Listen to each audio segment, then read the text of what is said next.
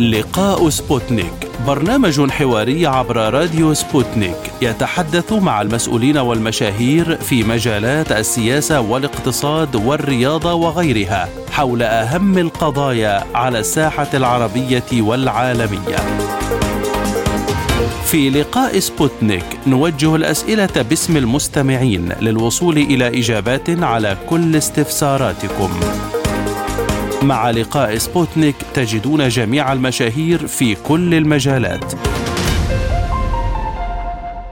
أهلا بكم مستمعينا الكرام في هذه الحلقة من لقاء سبوتنيك معكم فيها عبد الله حميد وأحمد أحمد. دمرت إسرائيل في حربها على غزة مناطق سكنية كاملة في مختلف أنحاء القطاع وتحولت الشوارع التجارية المكتظة سابقا إلى ركام. وتم تدمير الجامعات وتجريف الأراضي الزراعية كذلك انتشار الخيام على الحدود الجنوبية التي تؤوي الآلاف من الأشخاص الذين فقدوا منازلهم.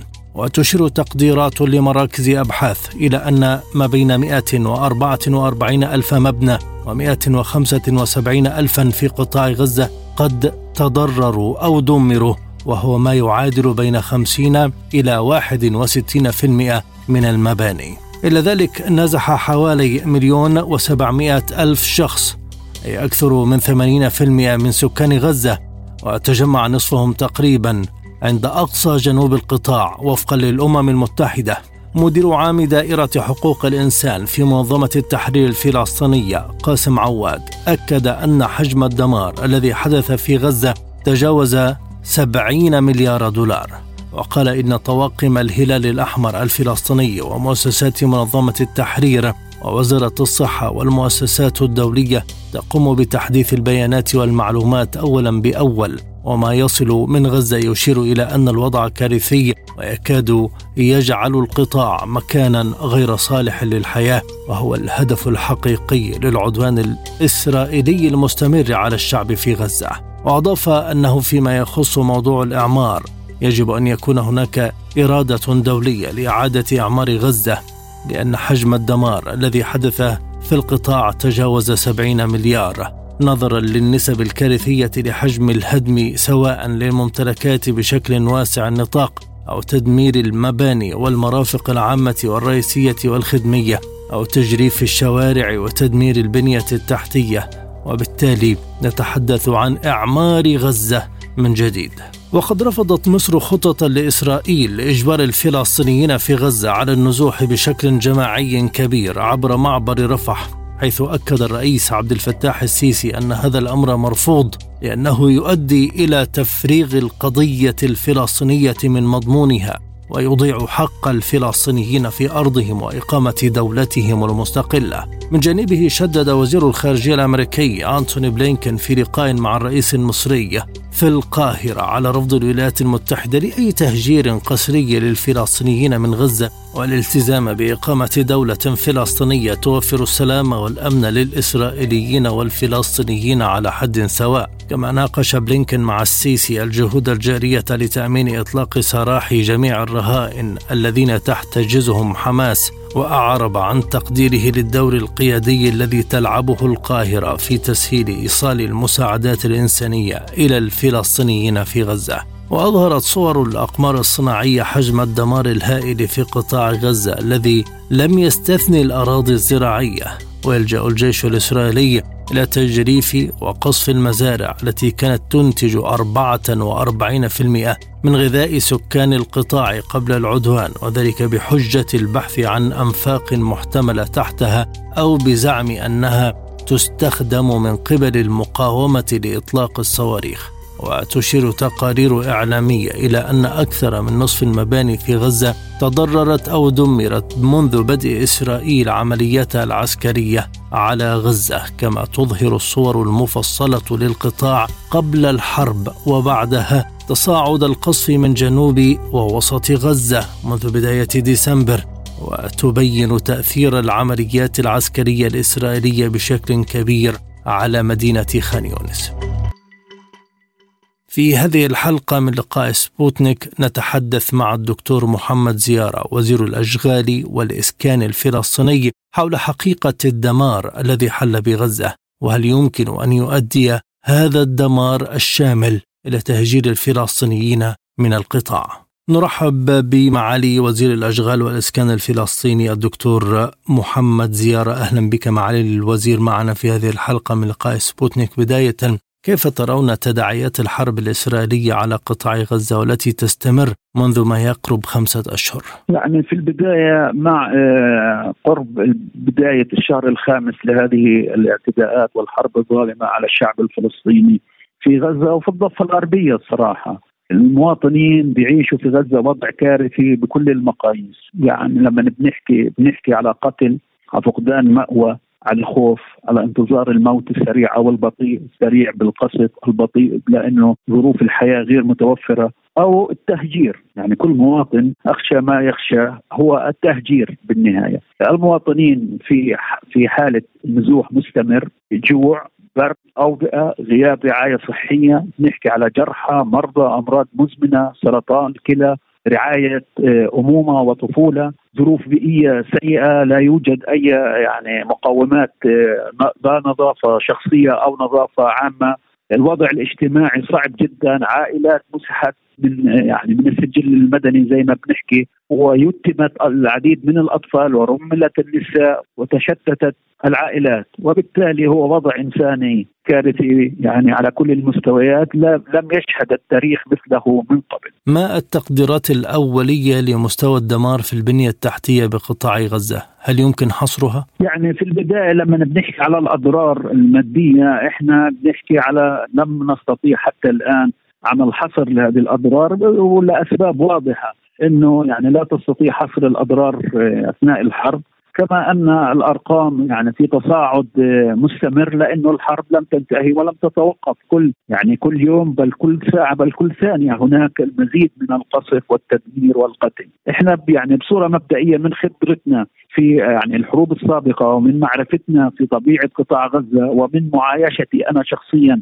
لفترة تزيد عن شهرين ونصف في هذه الحرب الظالمة في في غزة نستطيع يعني أن نقدر مبدئيا إنه حوالي مليون و800 ألف مواطن أصبحوا الآن بلا مأوى سواء يعني بيتهم تهدم أو إنه رحل من البيت اللي كان بقطنه. هناك أكثر من ربع مليون وحدة سكنية دمرت بدرجات متفاوتة إما يعني تدمير كلي لا يستطيع المواطن إنه يرجع لإلها ويصلحها أو يعني جزء بدرجات متفاوتة ممكن بعض الوحدات السكنية بحاجة لإصلاحات يعني قليلة أو متوسطة أو إصلاحات كبيرة. لما بنحكي على المناطق الحضرية تقديراتنا إنه حوالي 40% أو أكثر من 40% من المناطق الحضرية طمست عن وجه الأرض بالكامل. يعني أصبحت هناك يعني بعض المناطق بل المدن زي مثلا دير البلح زي بيت حنون. أجزاء من دير البلح أجزاء من النصيرات من البريج الشجاعية معسكر الشاطئ الدرج التفاح هذول يعني سواء في شمال قطاع غزة أو في الوسطى أو في خان يونس خان يونس أحياء كاملة تم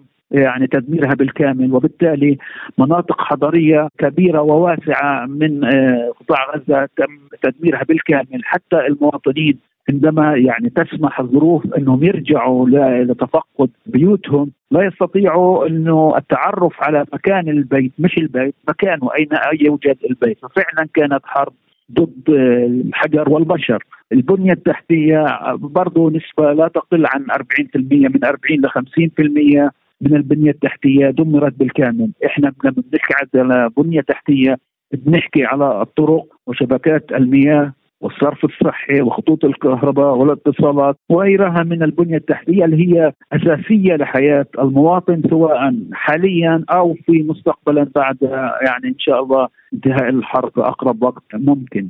لما بنحكي على تدمير منشآت فهناك آلاف من المنشآت التي تم تدميرها سواء منشآت تعليمية أو صحية أو خدماتية دور عبادة إسلامية ومسيحية مواقع أثرية وتاريخية عمرها أكثر من ألف سنة تم تدميرها الآثار تم سرقتها فهذه يعني يعني هذه ملخص بسيط عن حجم الدمار الذي يعني تم في قطاع غزة وبالتالي كل هذا الدمار بحاجة لإعادة إعمار يعني لاحقا إن شاء الله في أقرب وقت ممكن. بحديثكم عن إعادة الإعمار بعد وقف الحرب ما الذي يحتاجه قطاع غزة بعد انتهاء الحرب برأيك؟ بتوقف على الإرادة السياسية وعلى التمويل اللي ممكن العالم يحطه لإعادة الإعمار إذا توفرت الإرادة السياسية الدولية وإذا وضعت التمويل اللازم وإذا كانت السلطة الوطنية هي المسؤولة أو الفلسطينيين هم المسؤولين عن إعادة الإعمار يعني كل المؤسسات سواء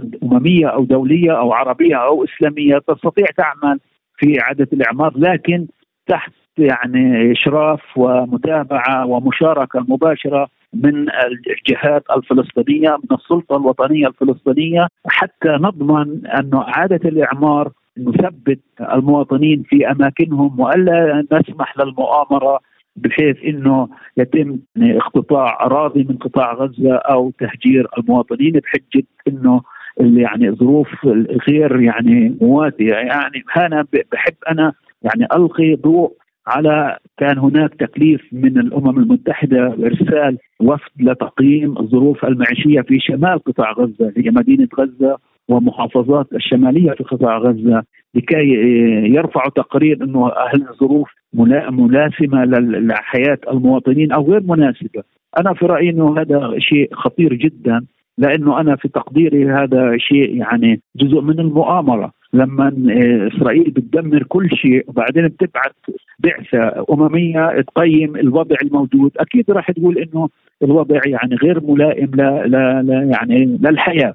هلا هذه شغلتين غير ملائم للحياة وبالتالي ما هو المطلوب لجعله ملائم للحياة. اللي الأمر الأهم عندما نقارن الظروف في شمال قطاع غزة في مدينة غزة وشمالها يجب أن نقارنه ليس بالمطلق بينما نقارنه بما هو موجود حاليا في رفح وخان يونس بالتحديد في رفح وخان يونس في منطقة المواصي وهي كثبان رملية يعني لا يوجد فيها أي مقاومات للحياة. وبالتالي أصلا المواطنين حاليا موجودين في مناطق لا تتوفر فيها أي مقومات للحياة. وبالتالي عند عودتهم للشمال يجب أن نعمل على تحسين الوضع وبعض الأمور يمكن تحسينها بسرعة.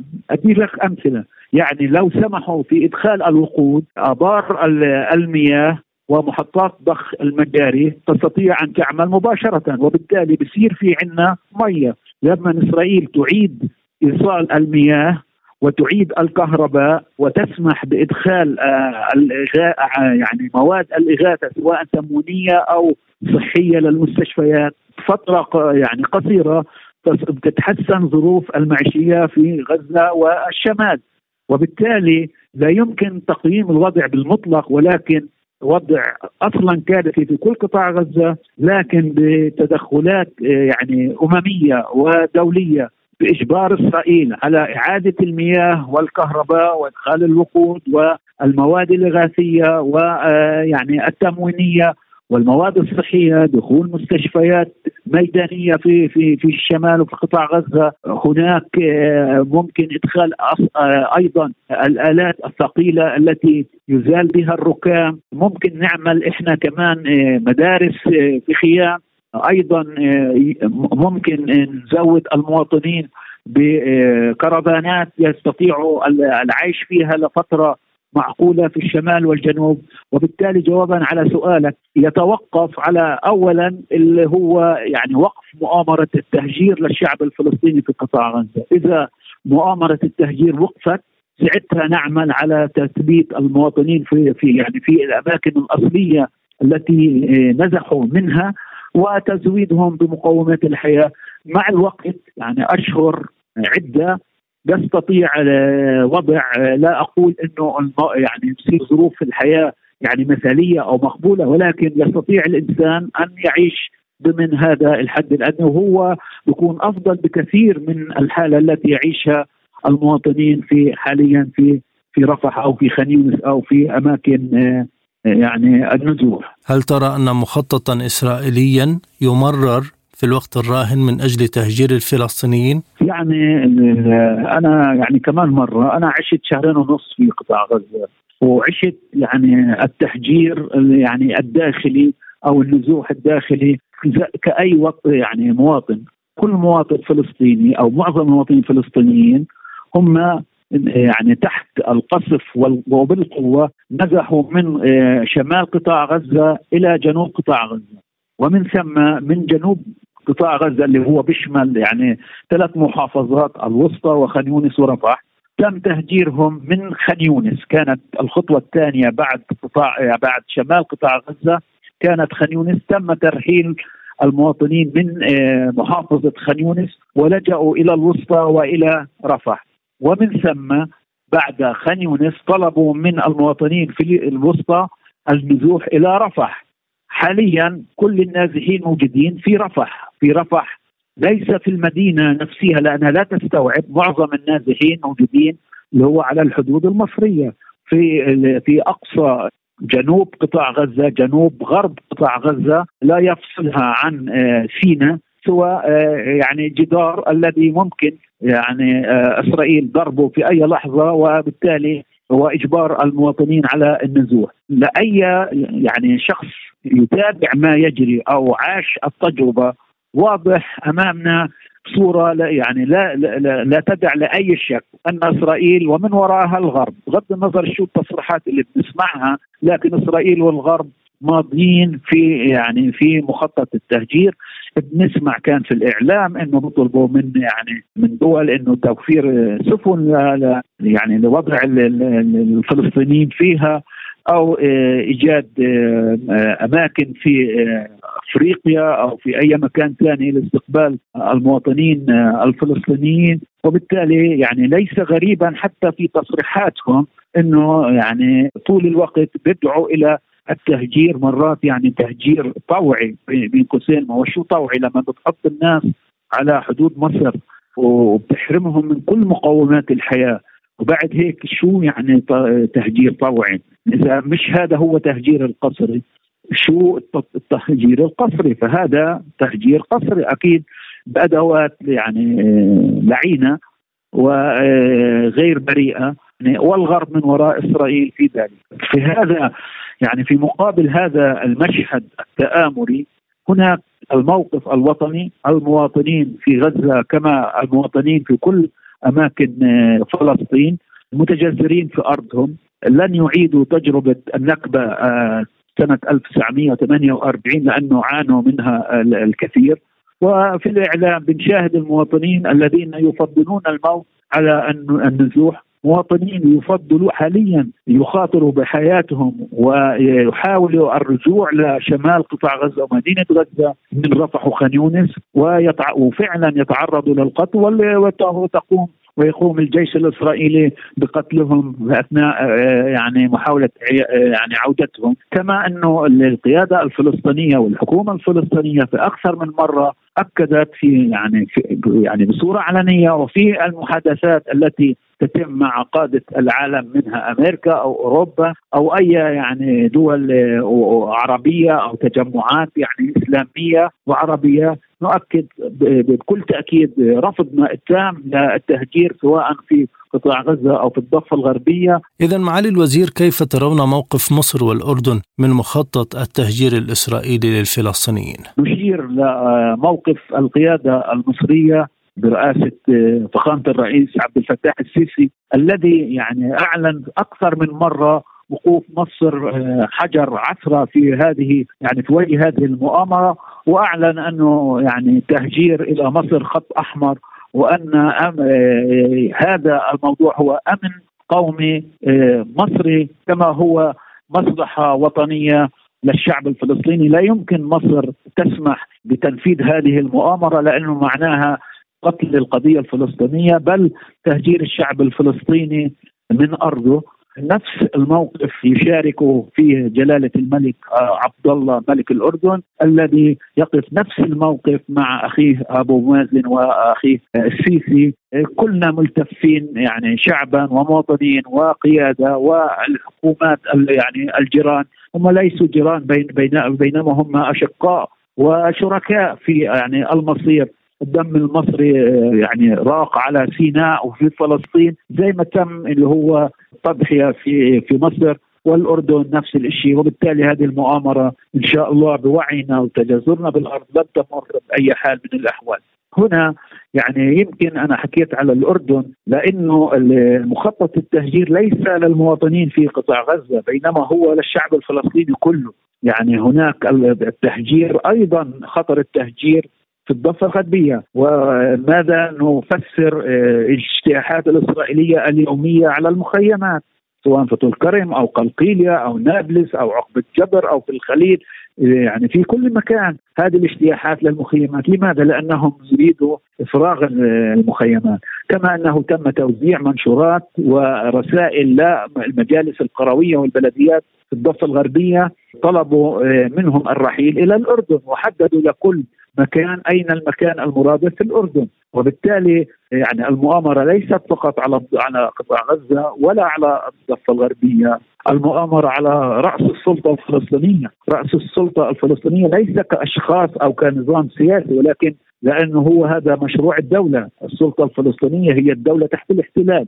وبالتالي إسرائيل تعمل على فصل قطاع غزة عن الضفة الغربية حتى لا تقوم دولة فلسطينية ويعملوا على تهجير المواطنين في قطاع غزة وفي الضفة الغربية وفي القدس، القدس يعني طول الوقت هناك يعني تدمير للبيوت وبالتالي هذه مؤامرة المطلوب منها فلسطين خالية من الفلسطينيين. حتى ال 48 يعني هذا المخطط ماشيين فيه بحيث إنه فعلا هم يسعوا إنه تصبح فلسطين خالصة لا لا لهم كدولة يهودية. وهذا للأسف ما تم التصريح به حتى يعني من الولايات المتحدة الأمريكية حديثا إنه يعني ما لم يكون هناك آه، تعيش إسرائيل بسلام في الوطن العربي كدولة يهودية لن يكون هناك سلام في في في الشرق الأوسط. وبالتالي انعكست الآية اصبح الجلاد هو الضحية والضحية الجلاد. يعني كانت هذه المقولة لن يكون هناك سلام ما لم تحل. القضية الفلسطينية أصبح الآن لن يكون هناك سلام ما لم يتم تطبيع آه، جميع الدول العربية والإسلامية مع إسرائيل كدولة يهودية في المنطقة. يعني هذه يعني هذا كله مؤشرات لمؤامرة آه، يعني تقوم بها إسرائيل ومن وراءها بعض الدول. الغربية. طيب معالي الوزير إلى أي مدى ترى أهمية لإقرار محكمة العدل الدولية الخاص بدعوى جنوب أفريقيا ضد ارتكاب إسرائيل جريمة الإبادة الجماعية؟ ما نتيجته كذلك على الأرض؟ قرار محكمة العدل الدولية كان في هذا آه، يعني لا شك أنه عرى الرواية الإسرائيلية ولأول مرة إسرائيل تقف بقفص الاتهام.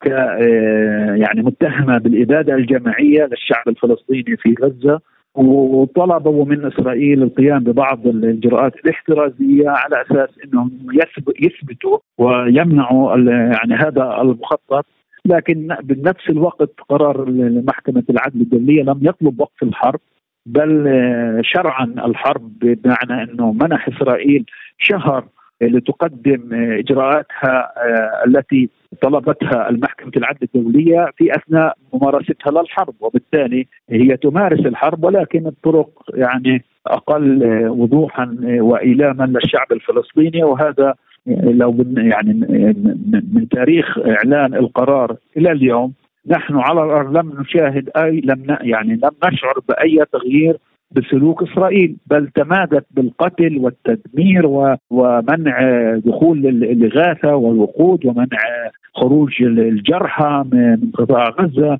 يعني كل الأعمال التي كانت تقوم بها من اليوم الأول ما زالت تقوم بها. وبالتالي نحن يعني نأمل أن المحكمة العدل الدولية ومجلس الأمن الدولي يأخذ يعني قرارات أكثر حزما آه، تؤدي إلى وقف الحرب على قطاع غزة لأنه الأولوية للقيادة الفلسطينية ولنا وللشعب الفلسطيني هو وقف الحرب، قبل وقف الحرب لا مجال إنه يعني نخطط أو نعمل على آه، إعادة اللي هو البناء أو تحسين الظروف.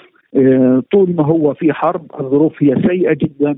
بيفرقش كثير إنه المواطن الفلسطيني يموت هو جوعان أو شبعان هو يعني آه، يشعر بالبرد أو إنه يعني ظروفه أفضل نسبيا. بالآخر هو يفقد حياته.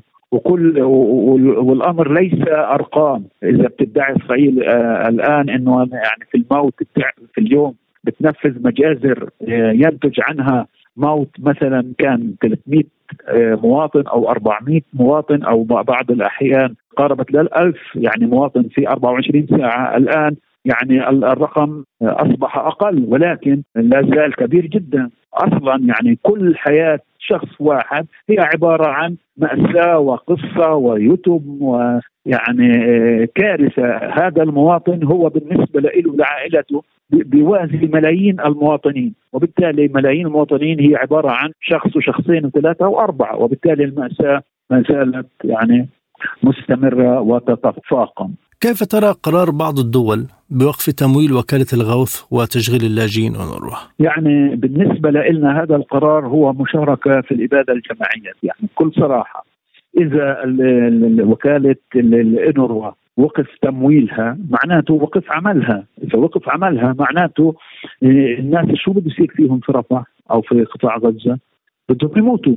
جوع وبرد وكل شيء. معناته هذا هو الإبادة الجماع الجماعية بعينها. وبالتالي الدول التي أوقفت آه، التمويل أو علقت التمويل هي بالنسبة لنا مشاركة بصورة مباشرة بالإبادة الجماعية ويجب أن تحاكم على هذا الأساس آه، هناك آه، العديد من الدول رفضت الانصياع على التعليمات الإسرائيلية. نحن أو للابتزاز الإسرائيلية.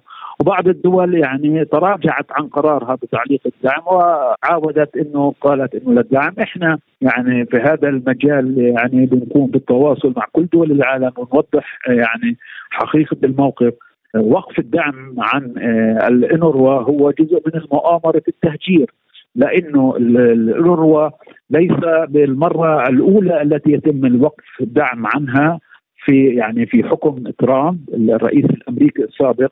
تم وقف دعم أمريكا وهي أمريكا يعني الممول الأول للإنروا. بهدف أيضا اللي هو قتل القضية الفلسطينية لأنه الإنروا تم تشكيلها آه، بناء على آه، نكبه ال 48 كمؤسسة أممية ترعى يعني مصالح وحقوق وحياة اللاجئين الفلسطينيين لحين العودة لأماكن اللي هو آه، هجرتهم. وبالتالي طول الوقت يريدوا قتل هذه المؤسسة حتى يقتلوا بحق العودة وحق اللاجئين. فما بالك اللاجئين والنازحين اللي يعني الجدد الذين تم تهجيرهم ونزوحهم في هذه الحرب الظالمة على الشعب الفلسطيني. وبالتالي هي ليست أمر مالي هي أمر جزء من المؤامرة التي تحاك على الشعب الفلسطيني. إحنا يعني أكيد هذا آه، قرار الدول هي هو قرار آه، متسرع آه، وجائر. تم اتخاذه بناء على ادعاءات من الجانب الإسرائيلي ولم تثبت هذه الادعاءات بأي يعني بشيء ملموس.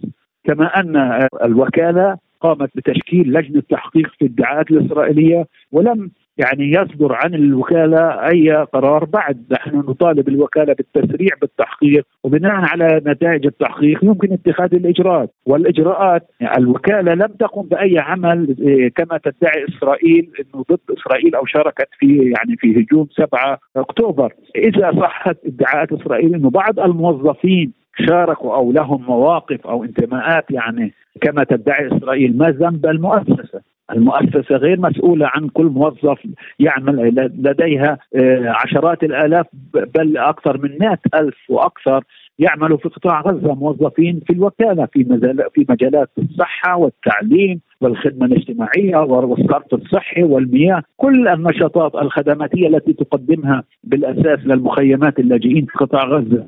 هذول موظفين بالآلاف وبالتالي إذا في عدد محدود قام تصرف معين هل يمكن تحميل يعني المؤسسة نتيجة هذا التصرف؟ المؤسسة كمؤسسة لم تقم بأي تصرف وتقوم بالتحقيق ولا يعني مبرر للدول وقف دعمها لهذه المؤسسة.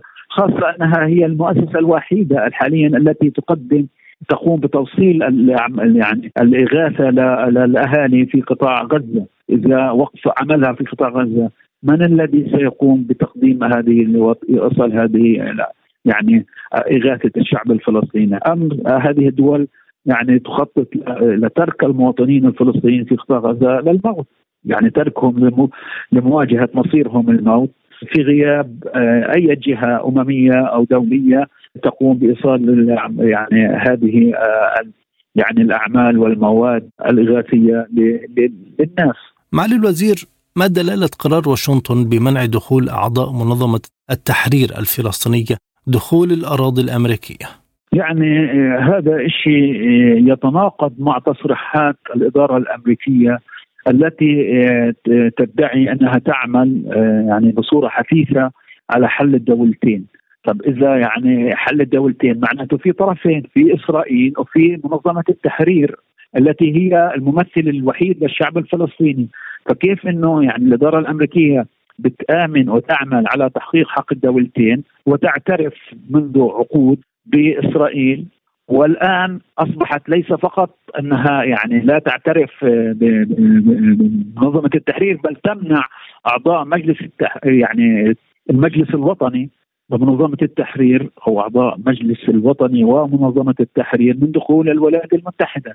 يعني لا يوجد منطق بهذه يعني يعني التصريحات أو بهذه المواقف من جهة يعمل كما يدعون على حل الدولتين وقيام دولة فلسطين بجانب دولة إسرائيل. وبنفس الوقت يمنع من يمثل دولة فلسطين والفلسطينيين من دخول الولايات المتحدة. كيف؟ يعني إذا بدك تمنع أنت آه، وبعد هيك الدولة هذه مين بده يكون يعني تفرض مين أنت فيها؟ مين اللي بده يكون؟ واضح إنه هذا قرار جائر وقرار وقرار غير مبرر ويتنافى مع سياسات أمريكا المعلنة. بقيام آه، يعني دولة فلسطين بجانب دولة إسرائيل. وبالتالي هذا قرار غير مقبول وغير يعني وغير مفهوم من جانب الإدارة الأمريكية أو أو هو قرار يعني المراد به إرضاء إسرائيل إرضاء إسرائيل على حساب بديهيات القضية الفلسطينية على حساب مواقف الإدارة المدنية من قيام دولة فلسطين أو أو قيام حل الدولتين فيعني غير مفهوم يعني ما سبب هذا القرار في هذه الفترة. منظمة التحرير هي الممثل الشرعي الوحيد هي التي يعني كانت آه، وراء آه، آه، الاتفاق أو اتفاقية السلام مع الجانب الإسرائيلي في في التسعينات في بداية التسعينات من هذا القرن. وهي اللي أنشأت السلطة الوطنية الفلسطينية، السلطة الوطنية الفلسطينية الموجودة يعني في كل فلسطين في الضفة الغربية وقطاع غزة. والتي تعمل يعني دون أن يكون هناك أي تصرفات عدائية أو قتالية من من جانب من جانب السلطة الوطنية الفلسطينية تجاه المحتل الإسرائيلي. لكن السلطة الوطنية الفلسطينية ستمارس يعني نضالها الوطني حتى يعني الانعتاق من الاحتلال الإسرائيلي السلطة الفلسطينية منظمه التحرير لن تقوم بتغيير مواقفها الوطنية، لن تقوم بتغيير المناهج، لن لن تقوم بمنع يعني دفع المستحقات أسر الشهداء والأسرى لن تقوم بقطع تمويلها أو مسؤوليتها عن قطاع غزة يعني هذا هو المقصود إذا مقصود السلطة الوطنية الفلسطينية منظمة التحرير فلن تغير مواقفها الوطنية الثابتة طول هذه هي الثوابت الفلسطينية لن تغيرها بناء على قرار من أمريكا منع آه، يعني أعضاء من المنظمة من دخول الولايات المتحدة الأمريكية، أكيد يعني لن نقوم بتغيير مواقفنا الوطنية. كيف ترون تصاعد العدوان من قبل المستوطنين وإسرائيل في الضفة الغربية؟ هو الاعتداءات مستمرة طول الوقت لكن فعلا يعني هذه الاعتداءات كشفت مع بداية الحرب لأنه يعني لا أريد أن أكرر نفسي لأنه المؤامرة هي مؤامرة على الضفة وعلى غزة وعلى الشعب الفلسطيني يعني في كل مكان، الاحتلال الإسرائيلي، الجيش الإسرائيلي يعتدي على المخيمات بصورة يومية، لما يعني بيجتاح مخيم وبدمر طريق. وبنية تحتية وشبكات مياه ومجاري وخطوط تلفونات وكهرباء وغيره. هل المقصود إنه يعني آه، تدفيعنا آه، القيمة المادية لهذه الأعمال أو لهذه البنية التحتية؟ يعني بكل تأكيد لا. ليس القصد انه بدخل يعني عشرات الآليات يعني بخربوها كمان مرة. فالشغلة يعني الأمر ليس القيمة المادية أو إنه وضع إرهاق آه، على السلطة الوطنية الفلسطينية إنما هو الهدف تهجير الفلسطيني من هذه المخيمات ك يعني كمرحلة أولى. الضفة الغربية هي جزء من المؤامرة. التدمير كان موجود في الضفة الغربية وازدادت وتيرته بعد يعني الحرب. الهدف منه المرحله الأولى تهجير المواطن الفلسطيني من المخيم وبعد ذلك تهجير الفلسطيني من المخيم والمدينة والقرية ومن كل مكان. هذا هو يعني هذه هي قراءتنا لهذا الأمر. هذه يعني الاجتياحات وهذا التعسف يعني بتم تحت يعني رؤى كل العالم وتحت رؤى أمريكا اللي يعني كانت بتتحجج إنه قطاع غزة يعني السلطة الوطنية الفلسطينية مش موجودة فيها، طب الضفه الغربية السلطة الوطنية موجودة فيها، من آه، موجود في الضفة الغربية هي آه، السلطة الوطنية الفلسطينية، حماس غير موجودة يعني لا تحكم في الضفة الغربية، طب ما هو المبرر أن يتم التدمير والاجتياحات والقتل والاعتقال في الضفة الغربية؟ يعني ما هي الحجة لدى الجانب الإسرائيلي؟ وما هي الحجة لدى يعني الغرب والولايات المتحدة ان أن يعني يسمحوا لإسرائيل بالقيام بهذه الممارسات العدائية؟ ما هي الحجة لديهم؟ نحن نعلم ما هو الهدف والدافع لكن ما هي الحجة لديهم أنه يسمحوا بهذه الاعتداءات وهذا القتل وهذه المحرقة التي تتم أيضا في الضفة الغربية وليس فقط في قطاع غزة. دكتور محمد هل ترى أن جهود وقف إطلاق النار في قطاع غزة كافية لوقف الحرب الإسرائيلية؟ يعني إحنا الموقف الرسمي لنا هو وقف الحرب على غزة. أي وقف للحرب يعني إحنا يعني موقفنا حرب وقف الحرب الدائم لكن أي وقف للحرب حتى لو كان مؤقت أي إجراء يوقف قتل الشعب الفلسطيني في غزة أي إجراء يمنع نزوح الشعب الفلسطيني يمنع هجرة الشعب الفلسطيني في قطاع غزة أكيد نحن نؤيده بغض النظر. لسنا نحن كسلطة وطنية فلسطينية من يفاوض على وقف إطلاق النار. هناك أطراف أخرى آه، تقوم بلا شك بالتنسيق معنا. لكن الذي يفاوض أو صاحب القرار هو هو يعني اولا وأخيرا هي إسرائيل وحماس. لكن نحن نشجع ونؤيد ونسعى ونضغط لوقف الحرب بغض النظر تحت أي يعني مسمى. لكن نحن نريد وقف الحرب بالكامل على قطاع غزة وانتهاء كل الأعمال وانسحاب إسرائيل من قطاع غزة وعدم اجتزاء المساحات من قطاع غزة كل هذه هي المواقف الوطنية الرسمية من القيادة الفلسطينية من الحكومة الفلسطينية من جميع أركان يعني السلطة الوطنية الفلسطينية. هذا هو موقفنا. وقف الحرب نقطة. وقف الحرب بسرعة. وقف الحرب مباشرة. لا يمكن يعني أن يسمح العالم باستمرار القتل بهذه الوتيرة أو بأي وتيرة أخرى. أخيرا معالي الوزير كيف تقيمون العلاقات الروسية الفلسطينية وكذلك كيف ترون الموقف الروسي المطالب بوقف الحرب على غزة وضرورة الذهاب لتسوية سياسية شاملة؟ العلاقات الروسية الفلسطينية والصداقة بين الرئيس الروسي والرئيس الفلسطيني ليست وليدة اللحظة، طول الوقت هناك تنسيق ويعني ودعم من آه، روسيا للحق الفلسطيني وهناك صداقة وهناك يعني أطر آه، بين الجانب الروسي والفلسطيني. وبالتالي نحن نقدر عاليا مواقف آه، روسيا والرئيس بوتين سواء المواقف المباشرة مع الشعب الفلسطيني والسلطة الوطنية الفلسطينية وكذلك في مؤسسات الأمم المتحدة والمؤسسات الدولية. دائما روسيا تقف بجانب الحق الفلسطيني ونحن نقدر ذلك ولم تتوانى روسيا بأي يوم عن دعم الشعب الفلسطيني سواء دبلوماسيا أو سياسيا أو حتى يعني اقتصاديا. دائما هناك يعني مشاريع روسيا في فلسطين موجودة تقريبا في كل مدينة. الشعب الفلسطيني الروسي هو صديق للشعب الفلسطيني.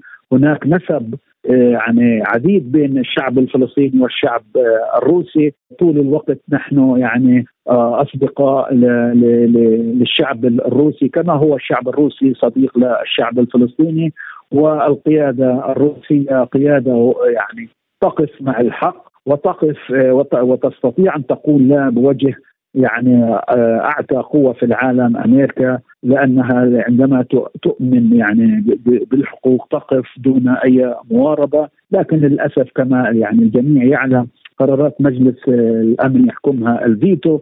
وعادة يعني القرارات التي تريد أو تسعى روسيا لاستصدارها تواجه يعني الفيتو الظالم الأمريكي. شكرا جزيلا لك معالي الدكتور محمد زيارة وزير الأشغال والإسكان الفلسطيني كنت معنا ضيفا كريما في هذه الحلقة من لقاء سبوتنيك. مستمرون معكم في هذه الحلقة باقي الفقرات مع زميلي أحمد أحمد. شكرا جزيلا للزميل عبد الله حميد. أهلا بكم مرة أخرى مستمعينا الكرام وما زلنا مع لقاء سبوتنيك وعلى صعيد وقف الحرب والمفاوضات الجارية. قالت الحكومة الإسرائيلية إن جميع الأطراف المشاركين في المفاوضات بشأن حرب غزة يدرسون رد حماس بعناية. وكانت حركة حماس قد أعلنت تسليم ردها على الاتفاق الإطاري بشأن حرب غزة والذي يتضمن تبادل الأسرى ووقف إطلاق النار في القطاع إلى قطر ومصر.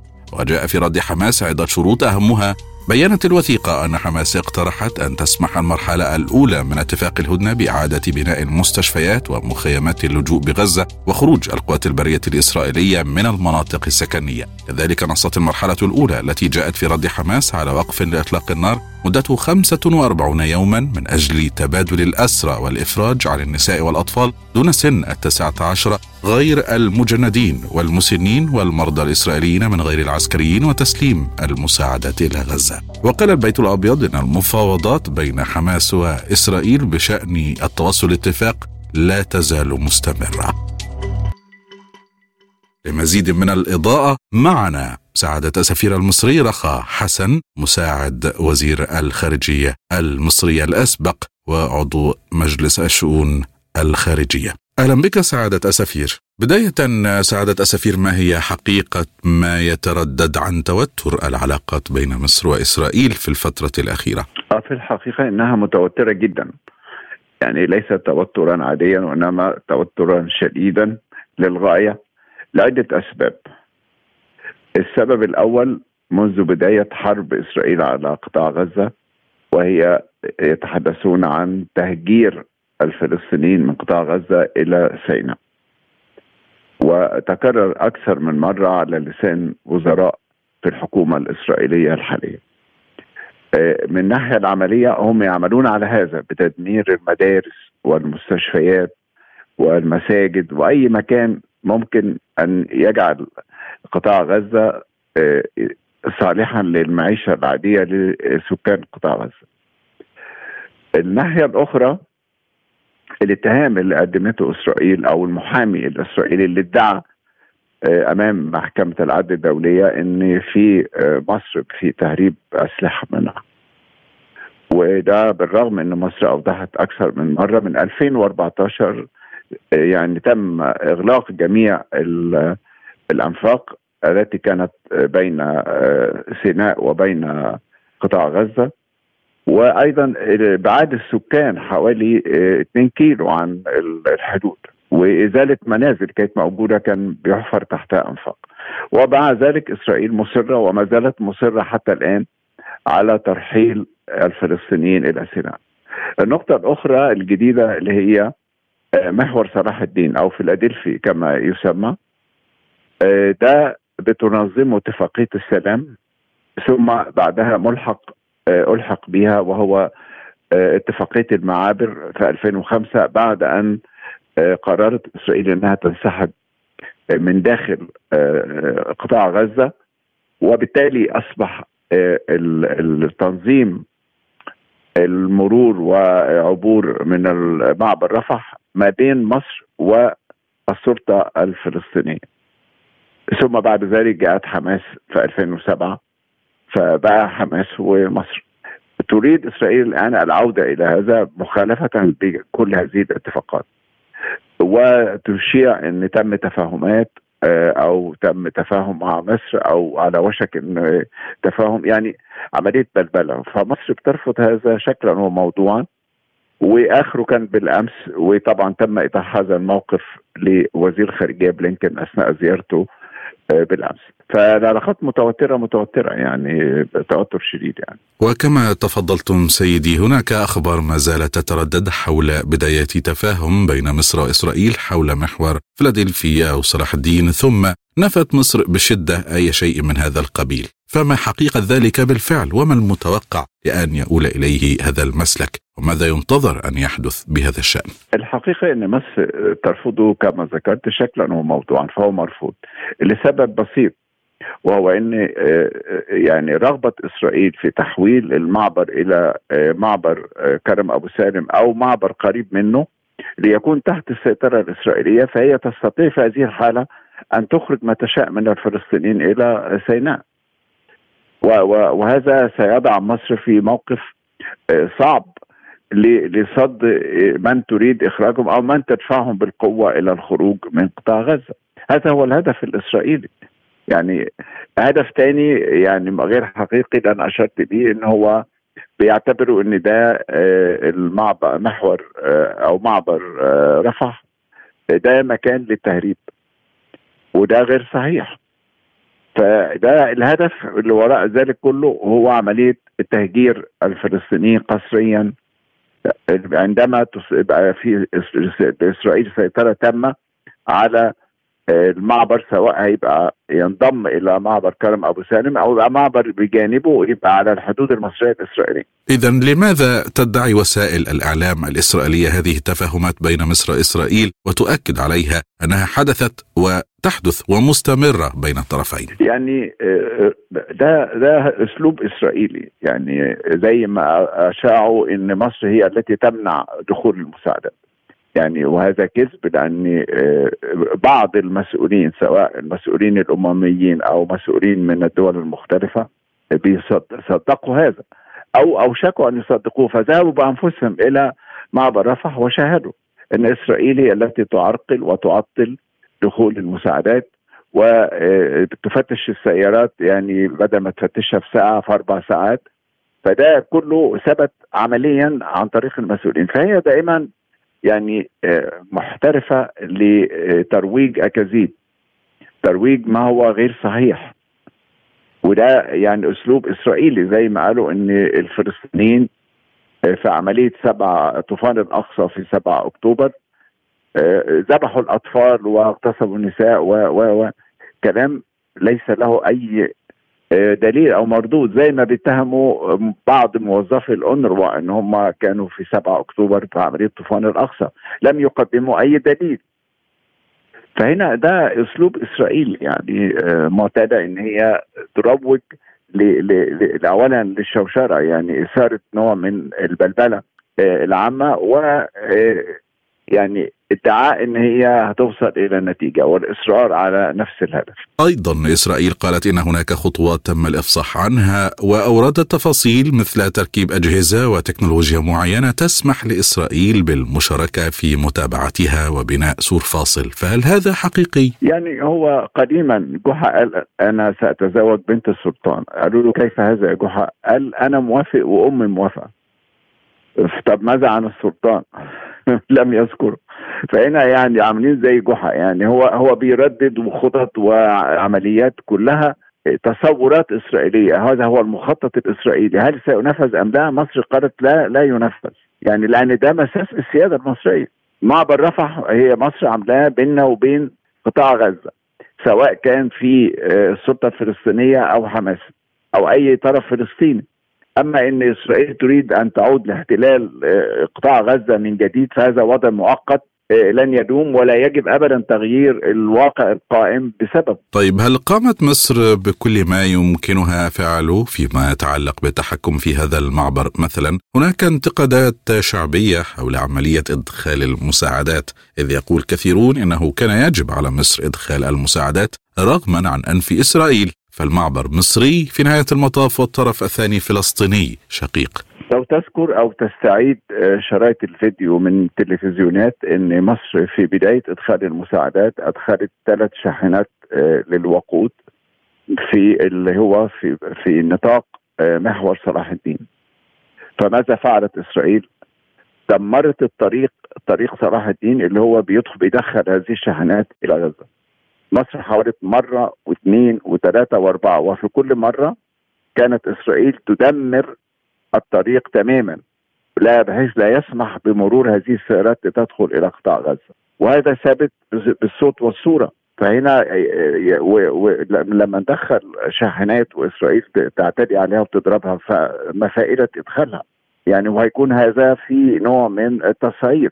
يعني هل تتدخل مصر عسكريا لحماية هذه الشاحنات يعني في في ظل الظروف الحالية والحرب الوحشية اللي بتشنها إسرائيل آه، على قطاع غزة وده ما يهدد عملية الاستقرار والأمن في المنطقة فبالتالي هنا كلام عن إن آه دخلوها غصب عنهم طب إزاي؟ إذا كان إسرائيل بتضرب حتى المستشفيات والمدارس اللي بيلجأ إليها الفلسطينيين وضربت في سيارة أو أو ناقلة آه، آه، مساعدات ضربوها بالأمس كما تابعتم في الأخبار رغم إنهم شكوا في إن يكون فيها حاجة وإنها ما تفتشتش جيدا.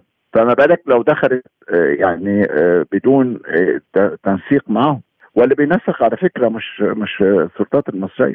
اللي بينسق هو الصليب الأحمر الدولي آه، منظمة الأغذية والزراعة آه، اليونيسيف الفاو آه، والصليب الأحمر الدولي مع الهلال الأحمر الفلسطيني مع الأونروا هم اللي بينظموها مش مش السلطات المصرية.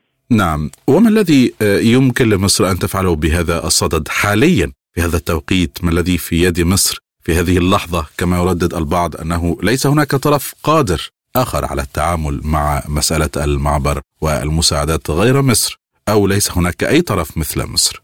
لا لا عفوا. الطرف القادر هو الولايات المتحدة الأمريكية. الولايات هو في قرار من مجلس الأمن في قرار 2720 الصادر من مجلس الأمن بضرورة توفير كافة الظروف و الملائمه وتأمين آه، دخول المساعدات الإنسانية بكميات كافية كافية لتغطي احتياجات الشعب الفلسطيني خاصة النازحين من مكان إلى آخر.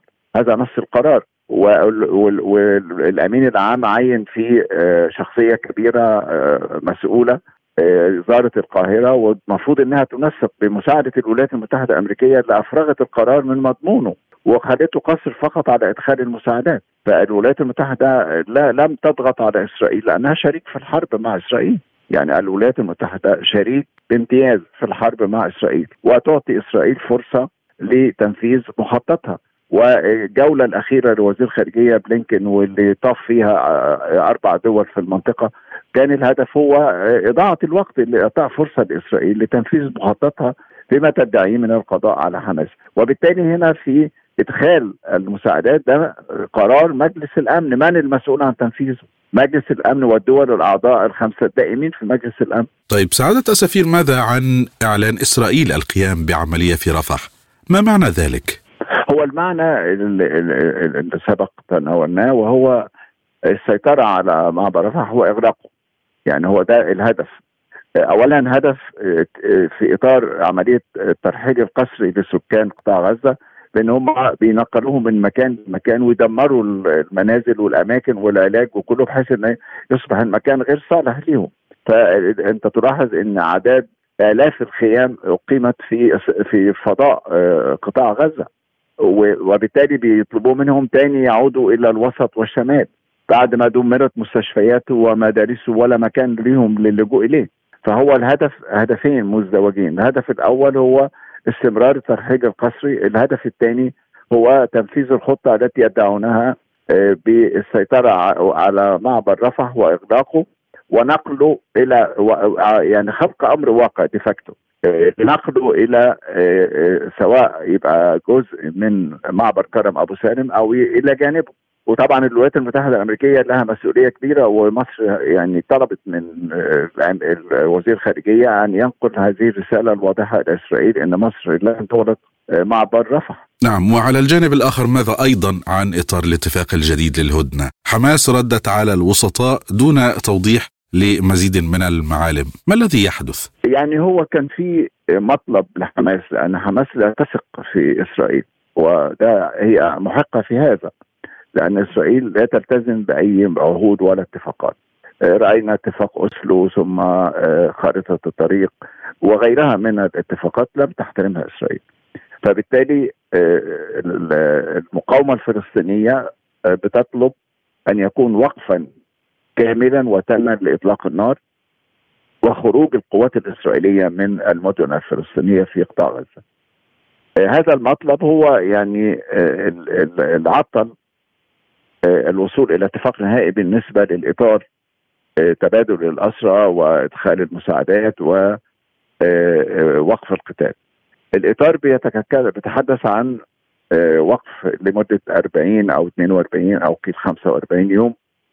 إسرائيل منقسم أيضا على هذا قسم الجناح اليمين بيرفض حتى هذه الهدنة بيقول لو استمرينا هدنة 40 يوم يعني تفتر روح القتال لدى الجنود المعتدين الإسرائيليين وبالتالي مش من الصعب استئناف القتال وبيهددوا بالانسحاب من الحكومة فتسقط الحكومة. الجناح اليمين المعتدل برئاسه يائير ليبت اللي هو زعيم المعارضة بيقول إحنا بنوفر شبكة أمان لرئيس الوزراء نتنياهو إذا انسحب اليمين المتطرف فإحنا هنحل محله. ولكن ما زال يعني على إسرائيل أن ترد على طلب المقاومة الفلسطينية. وهو ضرورة وقف إطلاق نار كامل من الممكن إن يستبدل بالانسحاب من المدن إلى آخره. وده المهمة اللي بيقوم بها وزير الخارجيه الأمريكي أنتوني بلينكن اليوم مع الإسرائيليين كما أوضح في المؤتمر الصحفي بالأمس مع أمير قطر مع وزير خارجية ورؤساء وزراء قطر. عفوا. طيب كيف يفهم كل هذا في ظل إعلان إسرائيل المتكرر بأن عملياتها ما, ما زالت مستمرة؟ وماذا عن السيناريوهات المتوقعة إذا مع تواصل الخلافات السياسية داخل الحكومة واستمرار الشد والجذب بين القوى كافة؟ هل هذا الاتفاق مثلا سيرى النور بالفعل أم ستتم عرقلته؟ وممن؟ يعني إسرائيل ما زالت منذ 7 أكتوبر حتى الآن في حالة ارتباك وحالة إخفاق يعني أخفقت في صد عملية طوفان الأقصى أخفقت أخفقت في تحقيق الأهداف التي أعلنها رئيس الوزراء ووزير الدفاع وهي قضاء القوى العسكرية لحماس والافراج عن الأسرى لدى المقاومة الفلسطينية بلا مقابل واخراج حماس تماما سياسيا من من قطاع غزة. فشلت في هذا فلذلك بيعتبروا إن استمرار الحرب هو شريان الحياة لهذه الحكومة. ولكن الأوضاع الاقتصادية في إسرائيل وتكلفة هذه الحرب أصبحت عالية جدا. أيضا صوره إسرائيل واتهامها بأنها بقت قوة نازية، قوة بتمارس إبادة جماعية أصبحت عادي بتردد في عديد من وسائل الإعلام دون الاحتجاج عليها من قبل أطراف كانت تدافع عن إسرائيل. الموقف الأوروبي حدث فيه تغير إلى حد ما وبيطالب بضرورة الوقف الكامل لاطلاق النار على لسان المسؤول السياسة الخارجية والأمنية للاتحاد الأوروبي جوزيف بوريل. أيضا يعني الولايات المتحدة الولايات المتحدة الرئيس الأمريكي بايدن حذره بيرني ساندرز بالنسبة لتصويت الشباب قال له لو استمرينا في هذه الحرب على غزة فده اولا بي يعني بيلحق أضرارا فادحة ولا إنسانية بالشعب الفلسطيني و بينال من مكانة الولايات المتحدة الأمريكية عالميا وأيضا الشباب لن يصوتوا لك في الانتخابات. فكل هذه العوامل إلى جانب إسرائيل بعض الناس بيطالبوا بضرورة رحيل هذه الحكومة ولو إن عددهم مش كبير لكن لهم تأثير أيضا المعارضة بيطالبوا برحيل الحكومة. فدي كلها ضغوط ربما يعني يستخدمها أو تبقى أدوات في إيد بلينكن في حالة إقناع رئيس الوزراء نتنياهو إلى الوصول لحل وسط ولو إن نتنياهو وعد إن ما هيكونش الموافقة في الكابينت اللي هي حكومة الحرب أو الحكومة الأمنية يعني المصغرة وإنما في الحكومة الموسعة يتم التصويت على ما سيتم الموافقة عليه. في ختام هذا اللقاء نتوجه بالشكر الجزيل لسعادة السفير المصري رخا أحمد حسن مساعد وزير الخارجية المصري الأسبق. شكرا جزيلا لك سعادة السفير الشكر موصول أيضا لحضراتكم مستمعينا الكرام وهذه خاتمة حلقتنا لهذا اليوم من لقاء سبوتنيك. نراكم دائما على خير.